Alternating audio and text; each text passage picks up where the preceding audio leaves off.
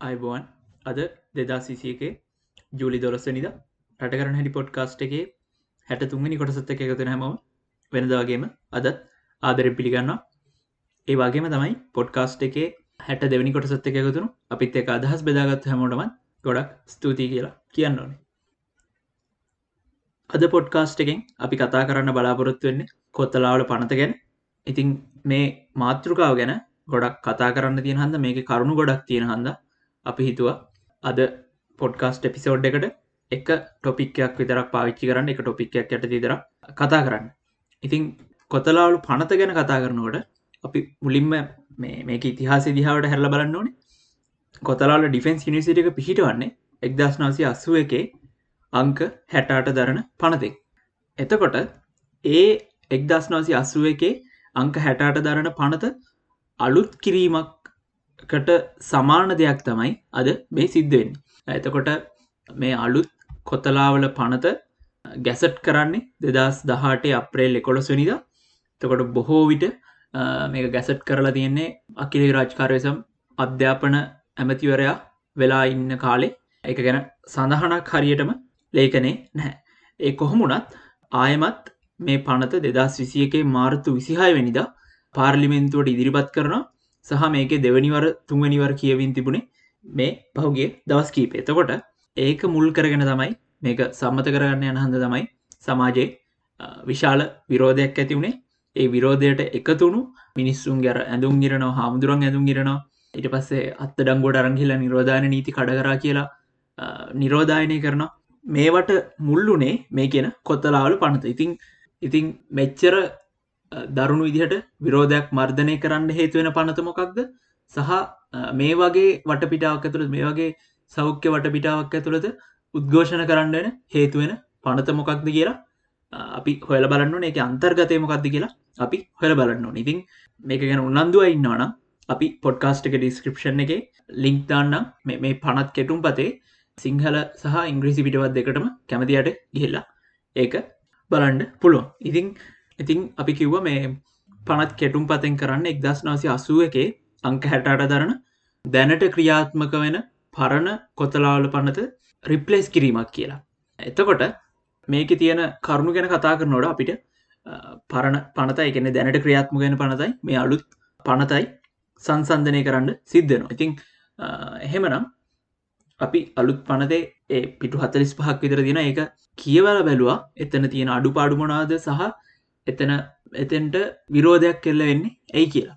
අලුත් පනත් කෙටුම් පතේ පූර්විකාවේ තියෙනවා තවද ශ්‍රී ලංකා සන්නද්ධ හමුදාවල සහ රාජ්‍ය සේවේ සේවය කිරීමට අපේක්ෂා කරන එවැනි තැනැත්තන්ට සහ වෙනත් තැනැත්තන්ටද ශාස්ත්‍රීය සහ වෘතිය සුදුස්කම් ලබාදීමේ කාර්ය සඳහා විශ්වවිද්‍යාලයක් පිහිටුවීම ජාතික වැදගත්කමක් සහිත කාරණයක් බවට පත්ව ඇති හෙයින්ද කියලා. ඊට පස්සේ ආයමත් විශ්වවිද්‍යාලය අරමුණු ගැන කතා කරනකොට හතරයි ආවල තියෙනවා කැඩෙට් නිලධාරීන්ට සන්නත් හමුදාවල නිලධාරීන්ට නිලධරයන්ට රාජ්‍ය සේවකයන්ට සහ වෙනත් තැනැත්තන්ට උපාදි ඩිප්ලෝමා සහ අනෙකුත් ශාස්ත්‍රීය ප්‍රවීණතා ප්‍රධානය කිරීමට හේතුවන්න වූ අධ්‍යයනංශයන් සම්බන්ධෙන් අධ්‍යයන පාටමලා සහ උපදෙස් සැපීම කියලා. එතකොට මේක තමයි අලුත්තෙන් යෝජනා කරන්නේ. හැබැයි පරණ පනතේ රාජ්‍ය සේවකය ගැනවත් පිටිං එන වෙනත් පුද්ගලයන් ගැනවත් සඳහනක් නැහැ. පරණ පනතින් විශ්වවිද්‍යාලය අරමුණු හැටියට සඳහන් කරන්නේ හමුදාවේ සාමාජිකයෝ හමුදාවේ නිලධාරීන්ට පුහුණුවීම් එකොල්ලන්ගේ හමුදාවේ වෘතිය කටයුතු ෘතිය සුදුසුකම් ලබාදීම ගැන විතරයි.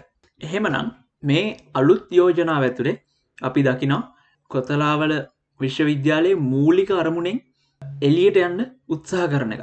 එතකොට ඒක කොච්චර ගැලපෙනවාති කියලා ප්‍රශ්නයක් ඇතිවුණා ඒ එක ඊළඟට සමාජයේ මතයක් තියෙනවා.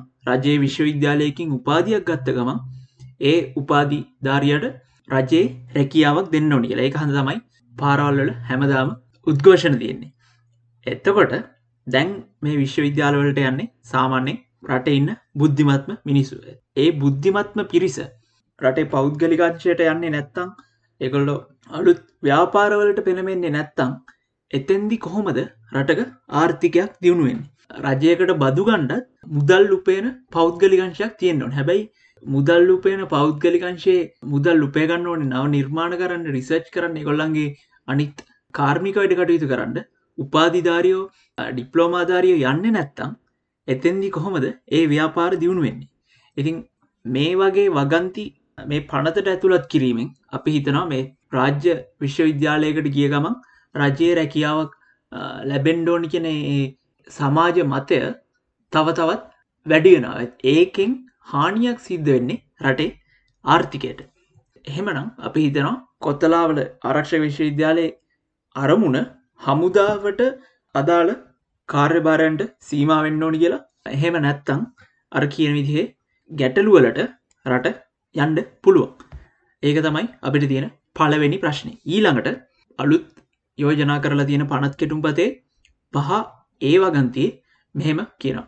එක්දස්නාසි හැත්තටේ අංක දාසය දරන විශ්වවිද්‍යාල පනතේ එකසිය විසියාට වන වගන්තියේ විධිවිධානවලට පටහැනිව කුමක් සඳහන් වුවද විශ්වවිද්‍යාලයේ එම ඉගැනුම් අංශවල අධ්‍යයන පාටමාලා හදාරා තත්කාර්ය සඳහා සාධන ලද යම් ප්‍රඥප්තිවලට අනුකූලව එම විභාග සමත් වී ඇති කැඩෙට් නිලධරයන්ට සන්නද්ධ හමුදාවල නිලධරයන්ට රාජ්‍ය නිලධරයන්ට සහ වෙනත් තැනැත්තන්ට උපාදි ඩිප්ලෝමා සහ ඩිප්ලෝමා සහ සහතික සහ වෙනත් ශාස්ත්‍රීය විශිෂ්ටතා ප්‍රධානය කිරීම සහ පිරිනැමීම කියලා.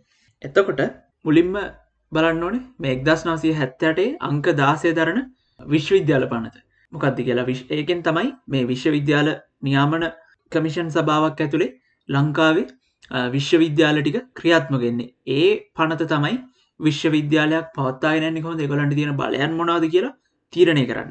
ඉතිං මේ එක්දස්නාසි හැත්තට අංක දාසේ දරන විශ්වවිද්‍යාල පනතේ එක්කසිය විසියට වැනි වගන්තියේ තියෙනවා විශ්වවිද්‍යාලවලට සහ අනෙකුත් පිළිගත්ත ඒ උසස් අධ්‍යාපන ආයතනවලට විතරයි උපාධයක් ඩිප්ලෝමාව එකක් දෙන්න පුළන් කියලා. එතකොට විශ්වවිද්‍යාලයක් වෙන කොතලාවල යුනිවසිටියකට මේකෙන් නිදහස් වෙන්ඩෝනි ඇයි? එකැනෙ අලුතෙන් යෝජනා කරලා තියෙන පනති තියෙනවා. එකසිය විසිට වන වගන්තිය විධවිධානවලට පටහැනිව කුමක් සඳහන් වුවදගේ ඒකන්න එතකොට මේක අදහස් කරන්නේ කොතලාල විශ්වවිද්‍යාලය මේකින් මේ එකසි විසිට වගන්තින් නිදහස් කරන්න ඕන වගේ කතාක් එතකොට විශ්වවිද්‍යාලයක් වෙන කොතලාවලා අතනයට ඇයි මේ වගේ නිදහස් කිරීමක් අවශ්‍යවෙන්නේ කියන ප්‍රශ්නයනවා එතැන්දි තමයි අර සමාජය ඇතුළේ චෝදනාවක් කෙන්නේ අලුත් පනතෙන් කොතලාල ඩිෆෙන්ස් ඉනිසිටකට අලුත් ආයතන අනුබද්ධ කරන්න ඉඩ දෙනවා. ඒ ආයතනවලට ඒ අනුබද්ධ ආයතනවලටත් එතකොට විශ්වවිද්‍යාල ප්‍රතිපාදන කොමිෂන් සභාව ආසරයක් නැතුව කොතලා ඩිෆෙන්ස් නිසිටි ආසරයකින් උපාදි ප්‍රධානය කරන්න පුළුවන් කියලා තමයි මේ සමාජයේ විරෝධය ඇතිවෙන් ඉතින් ඒක පහ ඒ වගන්තිය තියෙන ගැටලුවක්. ඒ අරමුණෙන් නෙවෙයි නම් මේක දැම්ම ඇත්තටම වෙනත් මොකක් හරි දෙයක් හිතාගෙනනම් ඇයි පහ ඒ වගන්තියට එකසි විසියාටනි වගන්තියේ විධි විධානවලින් නිදහස් කරන කොටස දැම්ම කියලා හොයලා බලන්න ඕන.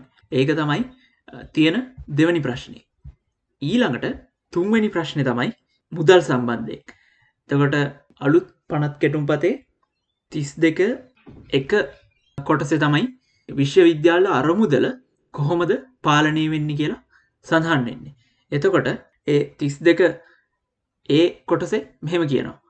තිස් දෙක එක ආ තිස් තුන්වන සහ තිස් අටවන වගන්ති යටතේ විශ්වවිද්‍යාලයේ පාවිච්චය සඳහා පාර්ලිමෙන්තු විසින් සපයනු ලබන සියලුම මුදල් ප්‍රමාණයන් තිස් දෙක එක ආ පරිත්‍යාග හෝ ප්‍රධානාකාරයෙන් කවර හෝ මූලාශ්‍රයකින් විශ්වවිද්‍යාලයට ලැබෙන සියලු මුදල් ප්‍රමාණයන් තිස් දෙක එක ඇ මණ්ඩලේ විසින් අනුමත කරනු ලබන යම් කාරයක් සඳහා විශ්වවිද්‍යාලයට ගෙවනු ලබන ගාස්තු තිස් දෙක එක ඇ විශ්වවිද්‍යාලය සමගින් ඇතිකරගත් යම් ගිවිසුමක් ඉටු කිරීම වෙනුවෙන් විශ්වවිද්‍යාලයට ගෙවනු ලැබි හැකි සියලු මුදල් ප්‍රමාණයන් තිස් දෙක එක ඊ විශ්වවිද්‍යාලය විසින් සපයනු ලබන යම් සේවාවක් වන විශ්වවිද්‍යාලයට ජනනය වන ආදායමක් තිස් දෙක එක ඊ මේ පනතේ මේ පනත යටතේ සාධනු ලබන යම් රීතියක් හෝ නියෝගයක් අනුව විශ්වවිද්‍යාලයට ලැබීමට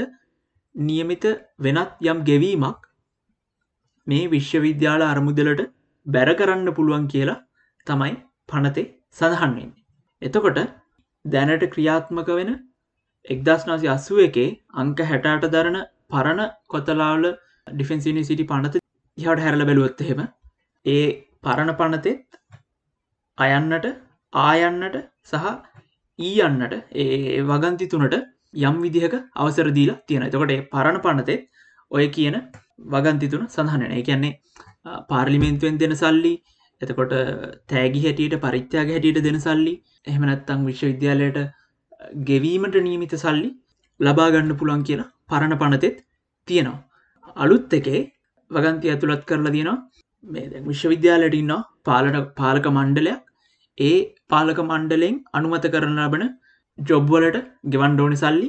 ඊළඟට විශ්වවිද්‍යාලයත් එක්ක තිකරගත්තු ගිවිසුමක් හන්ද විශ්වවිද්‍යාලයට එන්න ඕනි සල්ලි. සහ විශ්වවිද්‍යාලය දෙන මොකක් හරි සේවයක් කනේ විශ්වවිද්‍යාලයට ගෙවෙන්ඩෝනි සල්ලි මේ අරමුදලට එන්ඩෝනි කියලා අලුත් වගන්තිවල සඳහන්නවා හැබැයි ඒකෙනුත් අප කලින්කිවේ විශ්වවිද්‍යාල ප්‍රතිපාදන කොමිෂන් සභාව ගැන පනතක් තියෙන කිය එක්දස් නාසි හැත්තට අංක හැටට දරන එක. ඒ අංක හැටට දරන පනතෙන් විශ්වවිද්‍යාලයට බලයක් දීලා තියෙනවා. ඒගොල්ලෝ ඇතිකරගත්ත ගිවිසුම් වලට අනුව විශ්වවිද්‍යාලයට ගෙවන්ඩෝන මුදල් තමන්ගේ බැංකුවක් වෙනුවකට තමන්ගේ අරමුදරකට ලබාගණ්ඩ ඒ වගේම විශ්වවිද්‍යාලයක් කරන යම් සේවයකට මුදලක් ලබාගන්න ඒකන්නේ පෞද්ගලික අංශයට පරීක්ෂණ කරන්න ඉඩ ලබා දෙනවනම් ඒ සේවයට මුදල් ලබා ගැනීම වගේ දෙයක් සඳහන්නවා. එතකොට මෙතැදි ඉතුරු වෙන්නේ තිස් දෙක ඒවල ඈ කියන කොටස. එකන්නේ මණ්ඩලේ විසින් අනුමත කරනු ලබන යම් කාර්යක් සඳහා විශ්වවිද්‍යාලයට ගෙවනු ලබන ගාස්තු. දැන් මේ මණ්ඩලයට පත් කරන්නේ ජනාධිපතිවරයා පත් කරන නිලධාරින් කොටසක්. එතකොට ආරක්ෂක ලේකම්වර ඉන්න අතිරේක ආරක්ෂක ලේකම් කෙනෙක්කින්නවා සහ තවත් හමුදා නිලධාරින් කොටසක්කින්න ඒ අපි තව පොඩ්ඩකින් කතා කරම. කොහොමරි මේ මණ්ඩලය එතකොට පාර්ලිමේන්තුවට රිජු වගකීමක් නැහැ. බද යාලා පත් කරන්නේ ජනාධිපතිවර එතකොට පාර්ලිමේන්තුවට රිජු වගකීමක් නැති මණ්ඩලයක් රජයේ මුදල් පරිහරණය කිරීම ගැන තීරණ ගන්නි කොහොමද කියලා ප්‍රශ්නයක් ඇතියෙනවා එහෙමනම් අපි හිතනවා මෙතැදි කරන්න ඕනේ මේ කියන කොතලාල විශ්වවිද්‍යාලයේ මණ්ඩලයට පාලක මණ්ඩලයට අනුමත කරන්න පුළුවන් වැඩ කොටස මොනවාද කියලා එක්කො වෙනම සඳහන් වෙන්න ඕනේ ඒව ලිස්ට් කරන්න ඕනේ. එහෙම නැත්තං ඒ මණ්ඩලේ විසින් අනුමත කරන කාර්යන් ද මේගොල්ලෝ ආරක්ෂක මාත්‍යංශ යටති ක්‍රියාත්ම ගැන හන්ද? මේ විශ්වවිද්‍යාලය මණ්ඩලේ අනුමත කරන කාර්යන් විශ්වවිද්‍යාලයකට ගැලපෙනවාද කියලා බලන්ඩ විශ්වවිද්‍යාල ප්‍රතිපාදන කොමිෂන් සභාවේ අනුමැතිය ලැබෙන දියට මේ පනත වෙනස් වෙන්ඩෝනි කියලා අපි හිතන ඔය දෙකින් එකක් මෙතෙන්ට එන්ඩෝනේ හෙම නැත්තං සිද්ධ වෙන්නේ පාර්ලිමෙන්තු අධීක්ෂණයක් නැතුව තමන්ට කැමතිදිහට රජය මුදල් වගේම එයා එතනයට විශ්වවිද්‍යාලයට එන මුදළු පරිහරණය කරන්න මේ පාලක මණ්ඩලයට අවස්ථාව ලැබෙන එක. මේක තමයි අපි දැකපු ගැටලු තුන. එතකොට රාජ්‍ය සේවකයන්ට ගැන හමුදාන් පිට කට්ටියට අධ්‍යාපනය ලබා දෙෙන්ට අවසර දෙන එක මේ ආරක්ෂ විශ්වවිද්‍යාලය තුළේ එක්දස් නාසේ හැත්තට අංකදාසය විශ්වවිද්‍යාල පනතින් නිදහස ලබාදීම සහ මුදල් පරිහරණයේදී අනිත් විශ්වවිද්‍යාලවලට නැති බලයක් එකතු කරලා තිබීම. නමුත් මේකට සමාජය තුළ ඇතිවන විරෝධය අතරේ අපි දැක්ක තවත් චෝදනා තියෙනවා. ඉතිං මේ චෝදනා කීපයක් අපි පොඩ්ඩක් හොයලා බැලුව. මේ අපි කිව්ව කරුණුවලට අමතරව සමාජය ඇතුළ තියෙන අනිත් චෝදනා ටික ගැන තමයි දැන් අපි කතා කරන්න යන්නේ.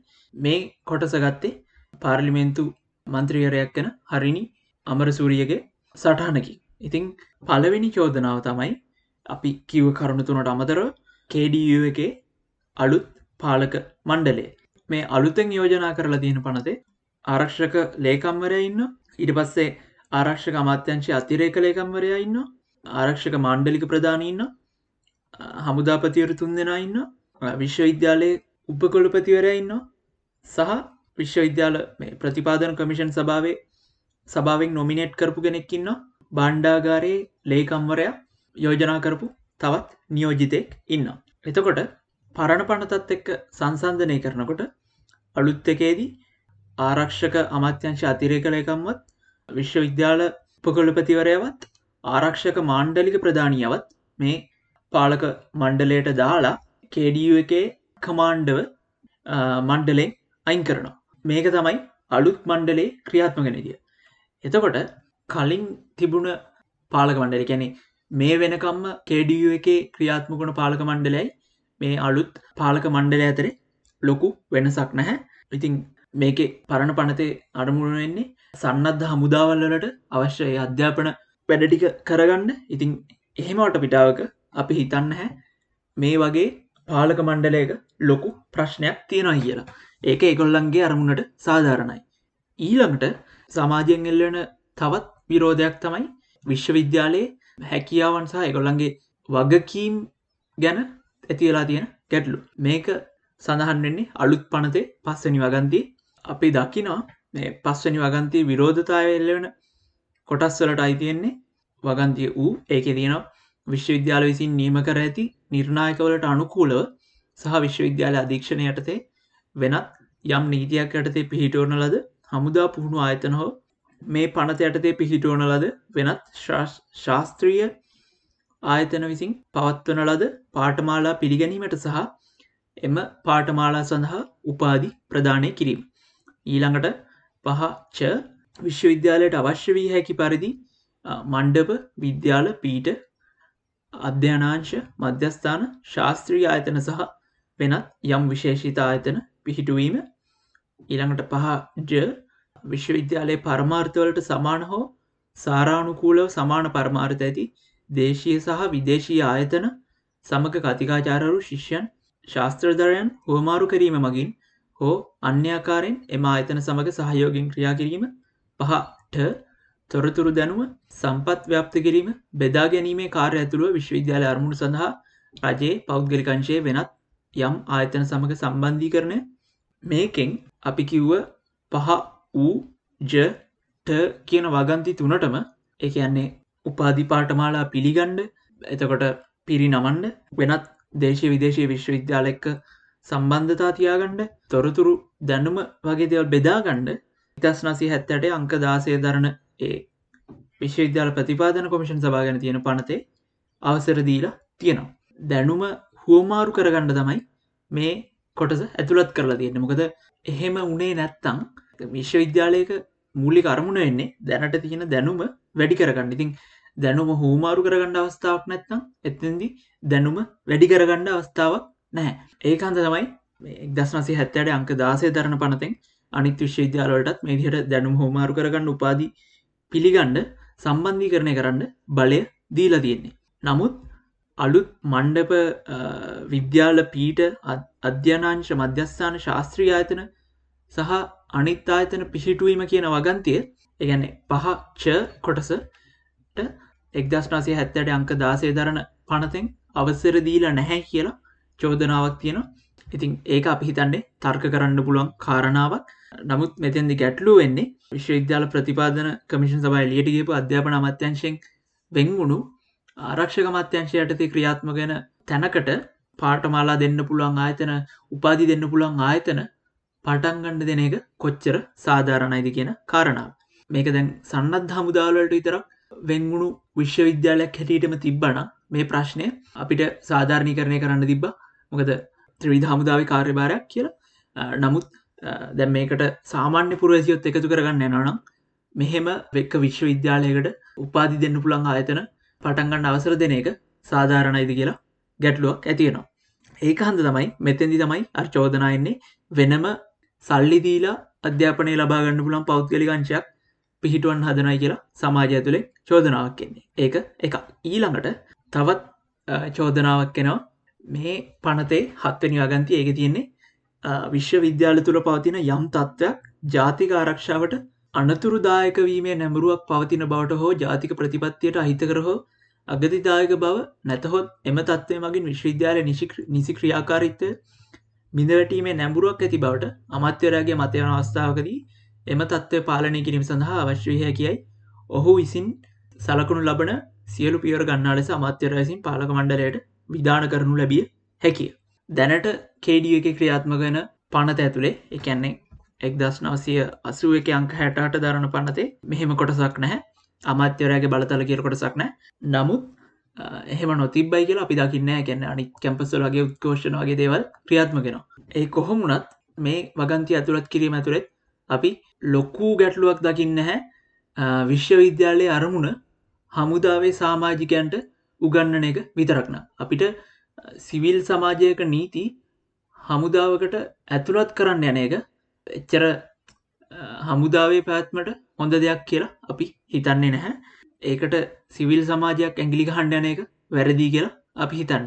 නමුත් දැන් රාජ්‍යසේවත් මිශ්‍ර කරලා වෙන රාජ්‍ය සේවයට අයිතින වෙනවත් අයට අයටත් මේ විශ්ව විද්‍යාලයෙන් අධ්‍යාපනය ලබාගන්න පුළුවන් විදිහට මේක වෙනස් කරලා මේ විදිහට ඉස්සරහට යන් හදනවන එතෙන්දී හමුදාවට අයිති නොවන කැඩට නිලධාරින් නොවෙන හමුදාව නිලධාරින් නොවන කට්ටියරත් කට්ටියගෙත් අයිතින් නැති කරනවන. ගැන දැම් මෙතෙන්දී මේක බොහෝවිට උද්ඝෝෂණ වගේ දේවල් මර්ධනය කරන්න දාපු දෙයක් කියලා හිතනවා. එහෙම හමුදාවසේ හමුදාව සාමාජික නොවෙන කට්ටියගේ අදහස් ප්‍රකාශ කිරීම අයිතිය කැම්පස් එකක් වගේ දැනක නැති කරන්න යනවන ඒක සාධාරණ නැහැ කියල තමයි අපි හිතන්නේ. එහෙම නොවන නම් මේක ආරක්ෂක අංශ අංශවලට විතරක් සීමාන දෙයක් නම් අපි හිතන්න මේ හත්වනි වගන්තිය ලොකු ප්‍රශ්නයක්. තියෙනයි කියලා. ඒක තමයි අපිට මේ සමාජය තුළේ තියෙන අනිච්චෝදනා ගැන කියන්න තියෙන කාරණ. එතකොට දැන් මේක සමරයිස් කරොත් එහෙම අපි දකින ගැටලුව තමයි මෙතෙන්දි රාජ්‍ය සේවයට රාජ්‍ය සේවයට සම්බන්ධ නොවන පිට කට්ටියටත් එකන්නේ කොටිමිකයොත් හමුදා සන්නද්ධ හමුදාවලට අයිති නොවෙන කට්ටියට හමුදා යුනිසිට එකක අධ්‍යාපනය ලබා දෙන්ඩ ඉඩදීම ටිකක් ප්‍රශ්න සහගතයි. ඒ වගේම තමයි විශ්වවිද්‍යාල පනතෙන් එක්දස්නසි හැත්තට අංකදාසේ විශ්වවිද්‍යාල පනතෙන් කොතරාට ඩිෆෙන්ස එක නිදහස් කරන එක ටිකක් ප්‍රශ්න සහගතයි. ඊළඟට මේ විශ්වවිද්‍යාලය පාලක මණ්ඩලයට මුදල් පරිපාලනයට දීලා තියෙන බලේ එක වගන්තියක් ටිකක් ප්‍රශ්න සහගතයි. නමුත් ඒත් එක්කම සමාජය තුළේ තවත් විශ්වවිද්‍යාලයට තියෙන බලයන් ගැන එකොලන්ට තියෙන වගකීම් ගැන ප්‍රශ්න ඇතියනවා ඉතිං ඒකෙන් සමහරක් කොටස්වලටත් අපි එකඟයි. එවනට සමස්තයක් හැටියට අපි හිතන්නේ එතන ඒන විරෝධතාවත් ප්‍රශ්න තියනවා. එතෙන්ට තමයි දැන් අපි එන්ඩ හදන්නේ. ඉතිං ලෝකෙ තියෙන හොඳම විශ්වවිද්‍යාල බැලුවොත්හෙම ඒවා තියෙන්නෙත් මේ රාජ්‍යාන්තරණ ඇතුළේ නෙවෙයි. එහෙම එහෙම කියන්න වමනාවක් නෑබිට හැබැයි රජයේ විශ්වවිද්‍යාලත් ලෝකයේ හොඳම විශ්වවිද්‍යාල අතරට අයිති වෙන ලිස් තියෙන ගැන මේ කියන්නේ ලංකා විශ්වවිද්‍යාල නෙවෙයි. ලෝකයේ තියෙන විශ්වවිද්‍යාල. එතකොට රජයේ විශ්වවිද්‍යාලයක් වුණ පලියට ඒ විශ්වවිද්‍යාල හොඳ වෙන්නෙත් නෑ රජයේ රාජ්‍ය විශ්වවිද්‍යාල තිබුණු පලියට ඒ ක්‍රමය සාර්ථක වෙන්නෙත් නෑ ඒක පෞද්ගලිකංශයටතෙම පෞද්ගලිකංශය වුණ පලියට විශ්වවිද්‍යාලයක් සාර්ථක වෙන්නෙත් නැහැ. විශ්වවිද්‍යාල ක්‍රමයක් සාර්ථක වෙන්නෙත් නෑ හැබැයි ලෝකේ සාධාරණම අධ්‍යාපන පද්ධති බැලුවොත්හෙම පද්ධතියක් හැටියට සමස්ටය සමස්තයක් හැටියට සාධාරණම සහ හොඳටම ක්‍රියාත්මක වෙන විශ්වවිද්‍යාල පද්ධදී හැට හැරනොත්තෙම අපි මීට කලනුත් ඒක ගැන කතා කරලා තියෙනවා. මේ ෆින්ලන්තෙ තියෙන විශ්වවිද්‍යාල ක්‍රමේ ඒකොළන් අධ්‍යාපන ක්‍රමේ වගේම විශ්වවිද්‍යාල ක්‍රමේ ක්‍රමයක් සාමාන්‍යයෙන් අධ්‍යාපන දර්ශකවල ඉහලින්ම තියෙන ඒක වෙනස තමයි ඒ විශ්වවිද්‍යාල ෆින්ලන් වල විශ්වවිද්‍යාල පද්ධතිය රාජ්‍ය කරණය නවා රජයක් ඇටතේ තමයි ක්‍රියාත්මගෙන්නේ එතකොට ඒක ඇති වෙලා තියෙන්නේ අධ්‍යාපනය කියලා කියන එක ලාභ උපයන අරමුණකින් කරණ්ඩෝනේ බිස්නස් එකක්වත් ව්‍යාපාරයක්වත් නෙවෙයි කියන අදහස උඩ. ඉතිං ඒක එහෙම තියෙද්දි අද මේ මේ කොත්තලාවල පනත ගැන විරුද්ධ සහ වික්ෂ කතා කරන තමහරක් දෙෙන මේකට චෝදනයිල්ල කරන්න හරි මේ පනත සාධාරණී කරණය කරන්න හැරි බෑඩ් ෆේත් එකක ඉඳගෙන. බෑඩ් ෆේත් එක කියන්න මොකක්ද කියලා අපි පොඩ්කාස්ට එක කලින් කතා කරලා දිනවා සරලෝම කිවොත් බෑඩ් ෆේත් කියල ගැන තමාවම රවට්ට ගෙනිය ගැන්නේ උදාහරණයක් කිවොත් හෙම මේක මුලින් හඳුන්වා දුන්න පුද්ගලයා ෂෝන් පෝල් සාත්‍රයා කැෆේකට යන කැෆේකට ඉහාම එය දකිනවා කැෆේක ඉන්න වේට ඇත්තටම එයාගේ ජීවිත අරමුණ වේට කෙනෙක් වෙන එක නෙමෙයි. හැබැයි එතැන්දී යාගැර එයාට තියෙන අවශ්‍යතාවල්ටිකයට සල්ලිවාගන්න ඕනේ හන්දහරි යට සමාජ මක්කරි තත්ත්වත් තියෙන කියලා පෙන්න්න ඕනේ හන්දහරි එයා වේට කෙනෙක් වගේ රඟපානවා. හැබැයි කැමතිනම් ඒ වේටට තවදුරටත් වේඩර්කමේ ඉන්න නැතුව ඒ රස්සායන් අස්සලා තමන්ට කැමතිතියට ජීවත්වෙන්න පුළන් කියර තමයි මේ ෂෝන් පොල් සාත්‍ර කියන්න. එතකොට ඒකට යා දෙන නම තමයි බෑඩ් ෆේත් ඒ වගේ තමයි මේ පනතට විරුද්ධ වෙන සමහරු මේ වෙලාවේ විරුද්ධ දෙනගෙන තමන් මේකට විරුද්ධ වෙන්න ඕන හන්ද විරුද්ධ නමිසා ඇත්තටම පනතට විරුද්ධවීම සාධාරණද නැද්දි කියලා හිතන්නේ නැහැ කියලා අපි අපි හිතනවා. ඒගැන ඒගොල්ලන්ට සාධාරණ ඉල්ලිම් තියෙනවා. හමුදාවේ නොවෙන අයව මේකට ඇතුළත් කරන්න දෙන්න එපා.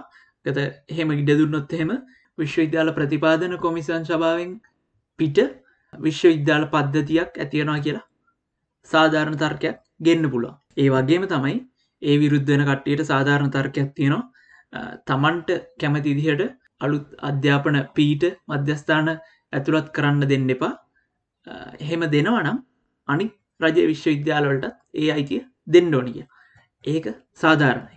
ඒ වගේම තමයි අධ්‍යාපනය සෞඛ්‍යවගේ දේවල් ලාබ බලාගෙන ව්‍යාපාර හැටියට කරන එක පැරදි. ඒක සේවයක් හැටියට කරන්න ඕනි කියෙන ඉල්ලීමත් අපි හිතන ඉදියට සාධාරණයි. ඉස්සර වෙද මහත්‍යය සල්ලිගත්තෙන හැ කියලා කියන්නේ. කතාවට වැඩසටහන්වලට ආහමාරාවයේදී එහෙම සල්ලි නොගන්න නම් ඒ වෙද මහත්තය හොඳ වැඩ්ඩෙක් වෙන්න ඕනේ. තමන්ගේ ශාස්ත්‍රය ගැන හරියට දන්න ඒ ගැන හොඳ දැනුමක් තියෙන මනුස්සෙක් වෙන්න ඕනි. හැබැයි අද ගැටලු වෙලා තියෙන්නේ වෙදාටත් වැඩ බැහැ පිටිංආපු සල්ලි ගන්න එකාට වැඩ කරන්න දෙන්නෙත් නැහැ. වැඩ බැරිවුණයි කියලා පිටිං ආපු එකාට පිටිං ආපු සල්ලි ගන්න එකාට සල්ලි අරගෙන වැඩේ කරන්න දෙන්නෙත් නැහැ. ඇතින් එතන්දි අපි කියන්න මේ පිටිං ආපු දොස්තරට පිටිං ආපු සල්ලිගන්න දොස්තරට මේ වැඩේ සාර්ථකව කරන්න පුළුවන් කියලා. හැබැයි ලෝකේ හොඳම කැම්පස් රෑංකින් ලිස්ටගේ පළවෙනි දාහේ එක කැම්පස් එකක්වත් නැතුව අපිට රකින්න තියෙන අධ්‍යාපනයේ ප්‍රමිතිය මොකක්ද ප්‍රමිතියක් නැති තැනක රකින්ට ප්‍රමිතියක් තියෙනවාද? එහෙමයි කියලා ප්‍රයිවට් කැම්පස් ගෙනපු පලියටත් මේ විශ්වවිද්‍යාලවල විශ්වවිද්‍යාල පද්ධතියේ ප්‍රමිතිය වැඩිවෙන්නේ නැහැ. මොකද විශ්වවිද්‍යාලයක අරමුණ වෙන්නේ දැනුමට යමක් එකතු කිරීම. තාක්ෂණය දියුණු කිරීම. පරීක්ෂණවලින් ඉස්සරහට සමාජය අරගෙන යන ඒක යුනිසිරිය බොලොන්නවල ඉඳලා වර්තමානය වෙනකම්ම අලුතෙන් පටන්ගත් යුනිසිටිය එකක්කම් මේ හැම යුනිසිට එකකම අරමුණ වෙන්නේ ඒක තමයි. එහෙමනම් තමන්ගේ අරමුණ හරියට ඉෂ්ට කරන්න නම් මේ විශ්වවිද්‍යාලවලට මුදල් ඕනේ පරීක්ෂණවලට විශාල වසයෙන් මුදල් වැෑ වෙනවා. ඒවට පහසුකන් තියෙන් ඕනේ. ස්ටෙම් සබ්ජෙක්්ටලින්නම් විද්‍යාකාරවගේ පහසුකම් තියෙන් ඕනේ. වෙනත් ප්‍රක්ටිකල් නංගේ ප්‍රක්ටිකල් වලට උපකරණ තියෙන් ඕනේ. ශේස්ත්‍රේඩල් ටාශයන මුදල් තියෙන් ඕනේ. ඒ විතරක් නෙවෙයි වෙළඳ පොලත් එක්ක වෙළඳ පොලේ තියෙන ව්‍යාපාරත් එක්ක සම්බන්ධී කරණය වෙන්න පුළුවන් විශ්වවිද්‍යාල පද්ධතියක් තියෙන්නවා ඒගැන්නේ උපාධිධාරීන් විශ්වවිද්‍යාලයකින් එලියට එනකොට ඒ උපාධිධාරීන්ට තියන්න පුළුවන් තියන්න ඕන හැකියාවල් මොවා දෙගොල්ලො මොනවගේ උපාධිධාරීන්ද කියලා සාකච්ඡා කරන වෙළඳ පොළොත් එක්ක වැඩ කරන විශ්වවිද්‍යාල පද්ධතියක් තියෙනවා ඒක වෙනස් කරන්න අද කොත්තලාවල පනතට විරෝධය දක්වන සමාජය උද්ඝෝෂණ කරනවා අපි දකින්නේ නැහැ ගැන්නේ විශ්වවිද්‍යාල පෞද්ගලික අංශයත් එක්ක සම්බන්ධි කරන වෙලා වැඩ කරන්න ඕනි කියන කියලා විශ්වවිද්‍යාල ශිෂ්‍ය සමාජයවත් ගුරුවරුවත් කියනවා අපි දකින්නේ නැහැ. අවුරුද්ධකට ළමයි තිස්සෙක් දාහක් විතර තමයි විශ්වවිද්‍යාලයක් ඇතුළට ගන්න. ඉතින් මේ ළමයි ගාන වැඩි කරන්න ඕනි කියලා උද්ඝෝෂණ කරනවා අනිත් කාරණා තරම් උද්ඝෝෂණ කරන අපි දකින්නේ නැහැ. යම් කිසි තල්ුවක් තියෙන නමුත් මේක කොලිටි අඩුවේ කියලා බයද මන්ද ගන්නේ ළමයි පනස්දහක් විතරවත්හෙම පේ ඩිග්‍රිය කොලිටි අඩුවේ කියන බයටද මන්ද විශ්වවිද්‍යාලයේ විශ්වවිද්‍යාලට ළමයි වැඩි කරගන්න එකට උද්ඝෝෂණ කරන අපි දකින්නෙත් නැහැ. එහෙමනම් මේකට අපිට බෑඩ් ෆේත් කියනරෙන්ඩ වෙන කියන්න වචනයක් නැහැ. ඒක හන්දා මේ අධ්‍යාපන ක්‍රමේ තියෙන ප්‍රශ්නයට අපි කොත්තලාවල පනතට බැනල වැඩකුත් නැහැ කොත්තලාවල පනත හැදුවයි කියලා අපේ අධ්‍යාපන ක්‍රමේ හැදෙන්නෙත් නැහැ. ඒ වෙනුවට අපි විශ්වවිද්‍යාලවලට මුදල් දෙන්න ඕනේ පහසුකම් දෙන්න ඕනේ වැඩිපුර අවධානයක් දෙන්න ඕනේ ලෝකයක්ත් එක්ක ගැන්නේ ස්ටේට of දයා ටෙක්නෝලජි එකත් එක්ක විශ්වවිද්‍යාල සම්බන්ධ කරන්න ඕනේ ඉතින් එහෙම කරනකම් අපිට ඔය මක්කරි පනතක් අල්ලගෙන පොඩි වලියද්දාගෙන චුන් එක ඉන්න පුලො ඉතින් ඒකත් එක්ක අදට අපි අපේ පොඩ්කාස්ට් එකේ හැට තුන්ගනි කොටස අවසන් කරන නැවතත් පොඩ්කාස්ට් එක හැට හතරනි කොටස හමනකම් හැමෝටම අයිබෝන්